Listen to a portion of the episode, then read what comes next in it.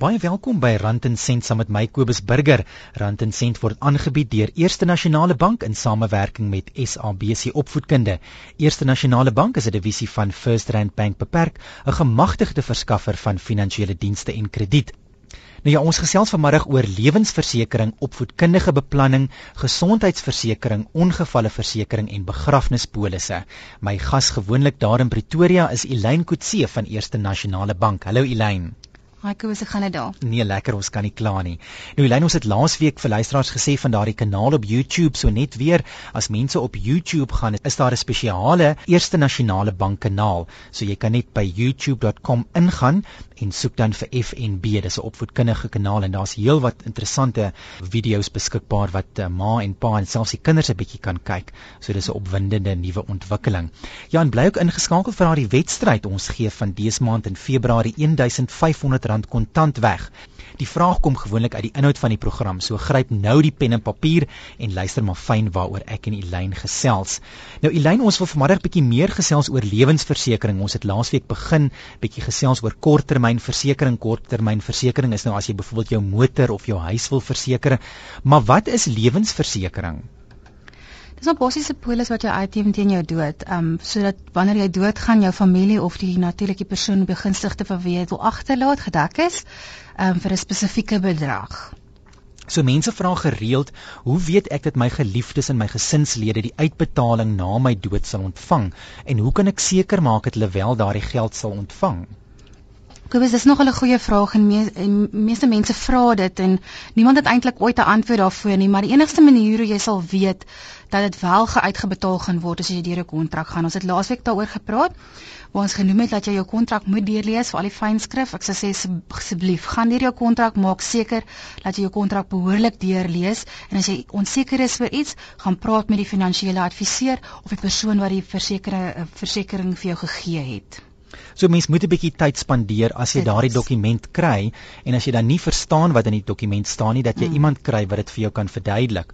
Want ek dink baie keer as mense dan begin eis, dan besef hulle maar hulle het nie die kontrak mooi verstaan nie. En dan is dit die tyd wat hulle dit gewoonlik lees wat die verkeerde tyd is eintlik. En dan is dit te laat. Ja, dan het mm. iemand nie vir hulle elke aspek van daardie kontrak eh, verduidelik nie. Ek dink ook die wetgewing beskerm 'n mens. Mm. So die wet beskerm jou dat jy moet 100% seker wees uh, wat in die kontrak staan en dat iemand dit mooi aan jou verduidelik het.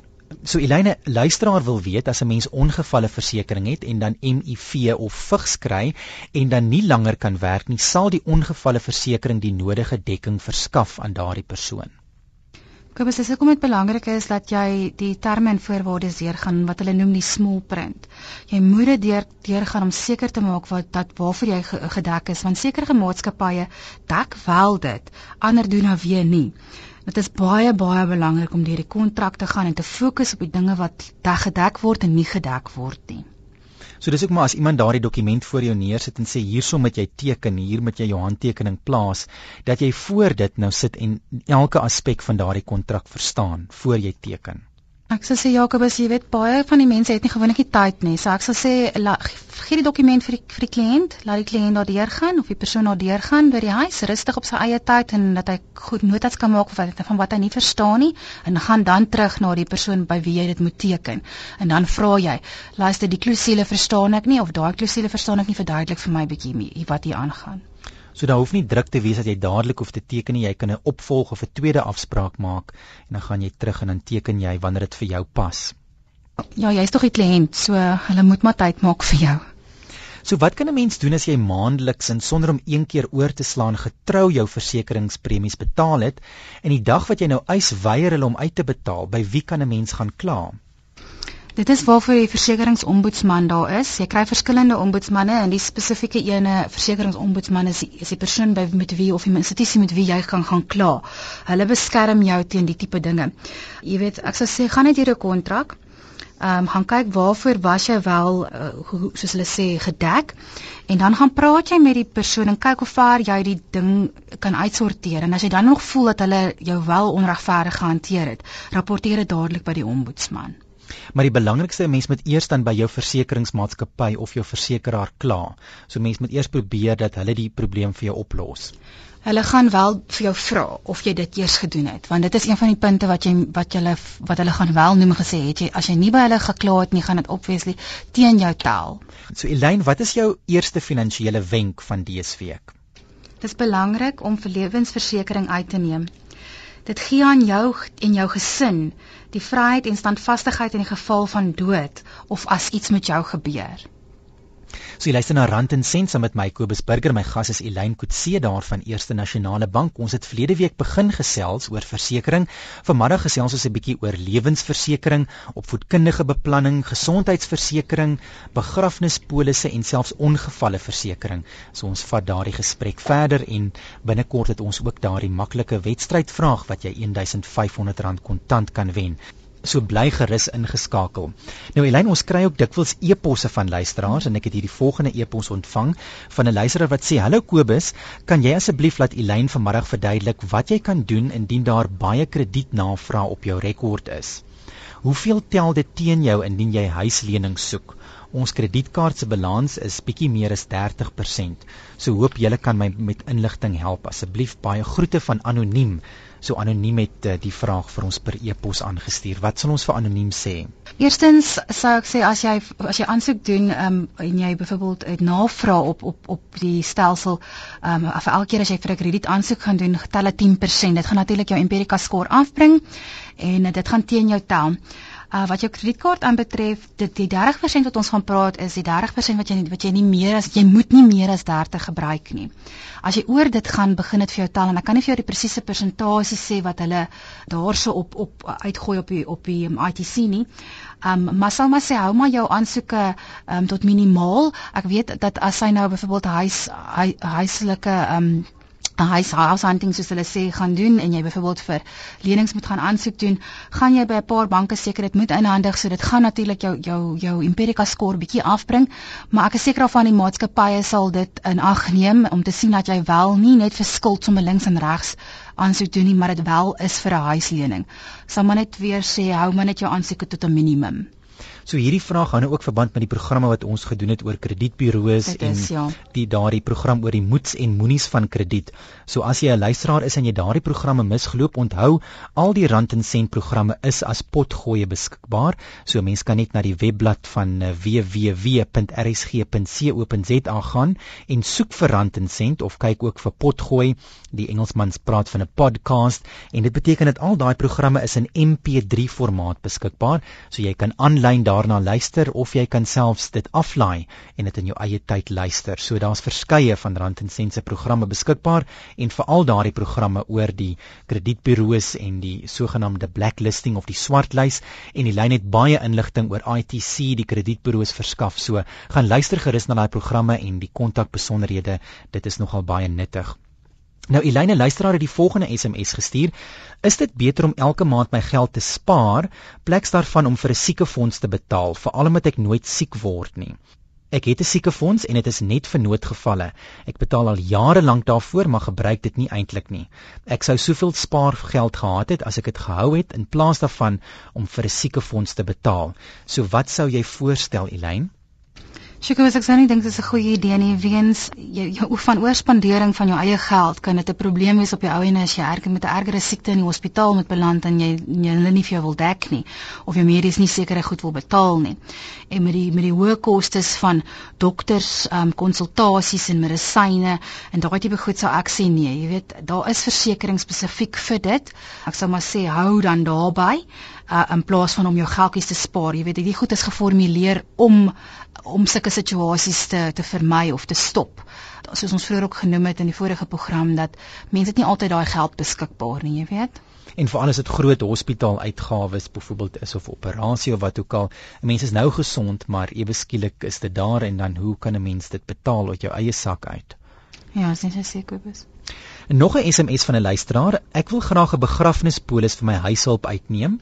Elke keer wanneer iemand in haar familie doodgaan, het sy geld nodig. So hoe neem ek so 'n polis uit?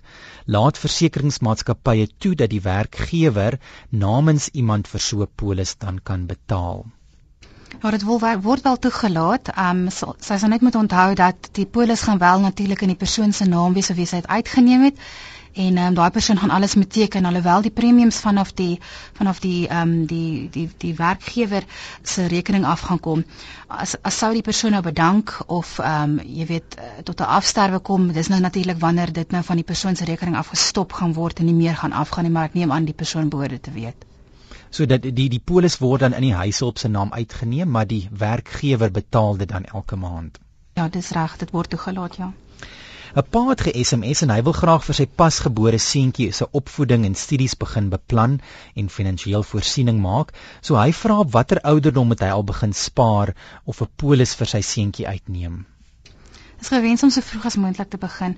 Jy kan ewen begin as jy as, as al was die dame dalk swanger al gewees, dan kan jy al begin spaar en begin planne maak. Hoe vroeër hoe beter, want met die hoë kostes van universiteite is dit basies maar so, soos ek sou sê hoe vroeër hoe beter want hulle is verskriklik duur en sekere ehm um, mense wil lank gaan swat en jy weet die onkoste wat hulle vra vir boeke en vir koshuis fooie is verskriklik. So ek sou sê ja begin maar so vroeg as moontlik Dis waar ek het die naweek met iemand gesels wat gesê het uh, hulle seun wil iewers gaan studeer en saam met die koshuisgeld is dit amper iets soos 80000 rand net vir 'n jaar. So 'n mens ja, dit is baie moeilik om daardie geld net iewers mee vorendag te kom. So om betyds voorsiening te maak is 'n baie goeie idee. Sou sê ja. Nou ons het al verlede week hieroor gesels, die lyn maar herinner net weer die luisteraars, wat is die voordele van versekerings? Lewensversekering gee vir jou basies, as ek nou net 'n paar kan noem, lewensversekering gee vir jou basies kontant aan begunstigdes as jy doodgaan. En wat belangrik kan wees en byvoorbeeld as jy wil hê hulle moet byvoorbeeld rekeninge hanteer en byvoorbeeld die huis nog klaar betaal en water en ligte en daai tipe goed. Onthou as jy versekerings uitneem, hoef jy um, hulle ook glad nie na jou kredietrekord te kyk nie. Dit is dit is een van die goed wat hulle glad nie vir jou gaan vra of hulle of jy hulle gaan toelaat om te kyk nie. Hulle gaan basies net voortgaan met die met die met die met die versekerings. Hulle gaan nie kyk of jy dit kan kan basies bekostig nie. Maak ook dan seker ehm um, dat jy die versekeringspremie kan bekostig wanneer jy dit uitneem.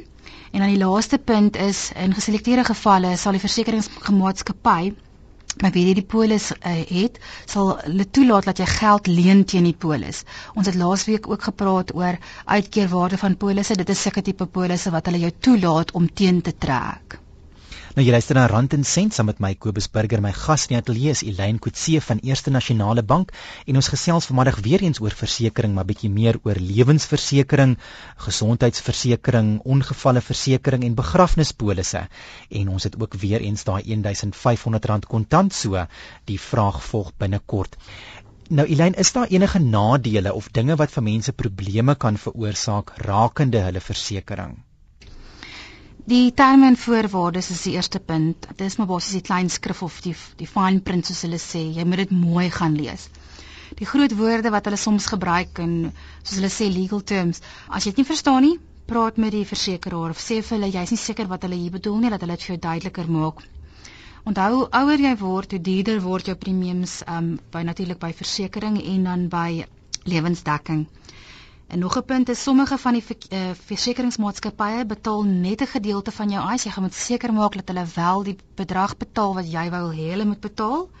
En dan die laaste punt is dat ehm um, jy kan nie weghardloop van die dood nie. So dit is hulle basies sê in Engels is inevitable vir jou om dood te gaan. Jy gaan eendag doodgaan. So jy moet maar kyk dalk na 'n lewensversekering en die lewensversekering is nou veral goed as 'n mens byvoorbeeld eh, 'n uh, pa is byvoorbeeld en dis nou 'n huis en 'n huispaaiement wat elke maand moet betaal word dan as die vrou en die kinders agterbly dan kan die lewensdekking of die lewensversekering kan seker maak dat daardie huis afbetaal word.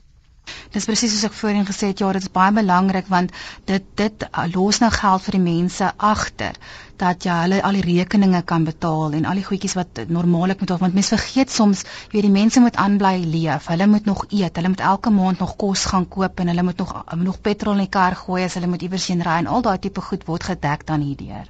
En vir alles die ma dan nie die broodwinner is nie, dan is daar ten minste dan deur die lewensversekering uh, geld of inkomste wat sal sorg dat die huis en al daai alledaagse uitgawes gedek is. Dis net jy sê dan. So Elina, as mense probleem het met hulle korttermynversekering of 'n eis wat nie uitbetaal is nie, ons het laasweek ook nou al daaroor gepraat en hulle het nou reeds by hulle versekeraar daaroor gaan kla en die probleem word net nie opgelos nie. Wat kan hulle doen? Um, soos ons genoem het, jy kan na die ombudsman toe gaan. As jy moet natuurlik nou eers by hulle gaan kla soos jy gesê het en as jy nou nog klaar dit gedoen het en hulle hulle kom tot nou net tot tot 'n konklusie nie en hulle kan jou nie help nie, moet jy by die ombudsman van korttermynversekering gaan kla. Ek kan vir jou vir julle 'n paar nommers gee en 'n um, faksnommer en 'n e-posadres en 'n posadres wat jy dalk kan gebruik as jy dalk wil praat met hulle. Die telefoonnommer is 011 726 8900. Ek herhaal dit net weer 011 726 8900 of natuurlik die ander nommer is 0860 726 890 0860 7268990 en dan vir die mense wat e-pos wil stuur dis info@osti.co.za dis info @osti.co.za of vir die mense wat dalk 'n faksie wil stuur wat dalk nie 'n e-pos het nie is 011 726 5501 dis 011 726 5501 en dan vir die mense wat die slakke pos natuurlik verkies is dat die posadres is posbus 323 34 Braamfontein 2017 dis posbus 32334 Braamfontein 2017 en dan kan u net vir hulle dan vra het 'n probleem met die maatskappy um, u het nou alles probeer met hulle al gesels al hulle hoe kan hulle jou klag uitsorteer vir jou So dit is dan die kontak besonderhede vir die ombudsman vir korttermynversekering. So veral in terme van jou motorversekering of jou huisversekering, as jy 'n probleem het waaroor jy reeds gekla het, dan kan jy die ombudsman kontak by hierdie nommers. Dis net weer 0117268900 of jy kan 'n e-pos stuur na info@osti met 'n doetjie op .co.za. En die lyn ek het ook die ombudsman vir langtermynversekering. Hulle nommer is in Kaapstad 021 0676740902. Dis die ombudsman vir langtermynversekering 021 0676740902. So Elyn, wat is jou tweede finansiële wenk vir van DSV? Wanneer jy versekeringspolis uitneem, moet jy seker maak dat jy die kontraktuele verpligtinge verstaan. Dis jou plig om seker te maak of daar enige uitsluitings is of gevalle is waar die versekering nie sal uitbetaal nie.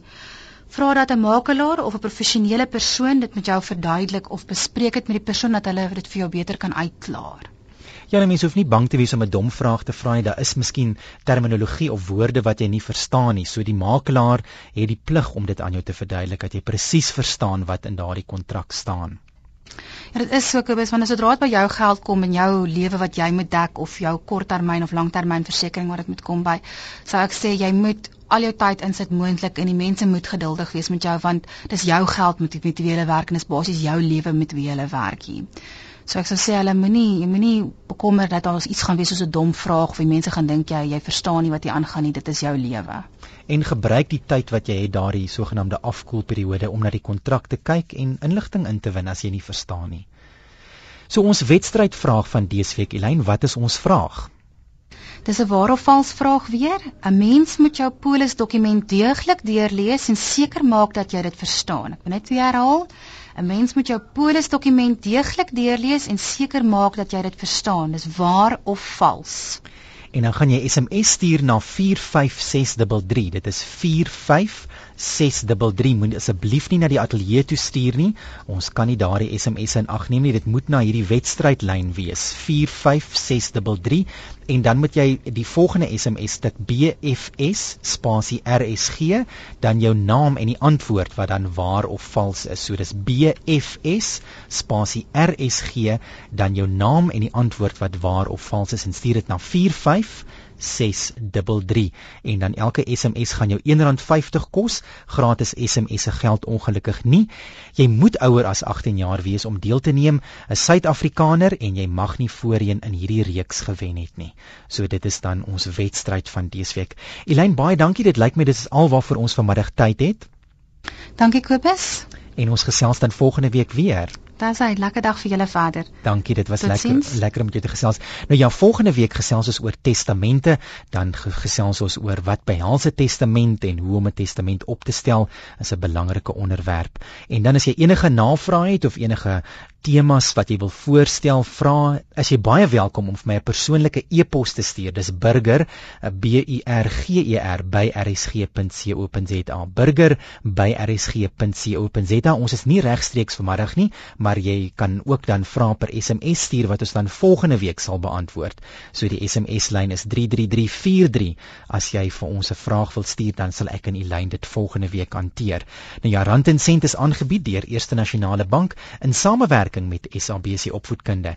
Eerste Nasionale Bank is 'n divisie van First Rand Bank beperk, 'n gemagtigde verskaffer van finansiële dienste en krediet. Nou ja, van my Kobus Burger, geniet jou Sondagmiddag. Volgende Sondag kuier ons weer lekker saam.